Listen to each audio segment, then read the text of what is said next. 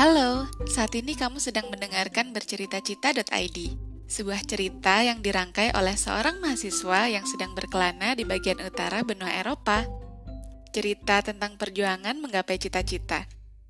Dari sejuknya angin musim panas di Swedia hingga indahnya cahaya langit utara. Selamat mendengarkan.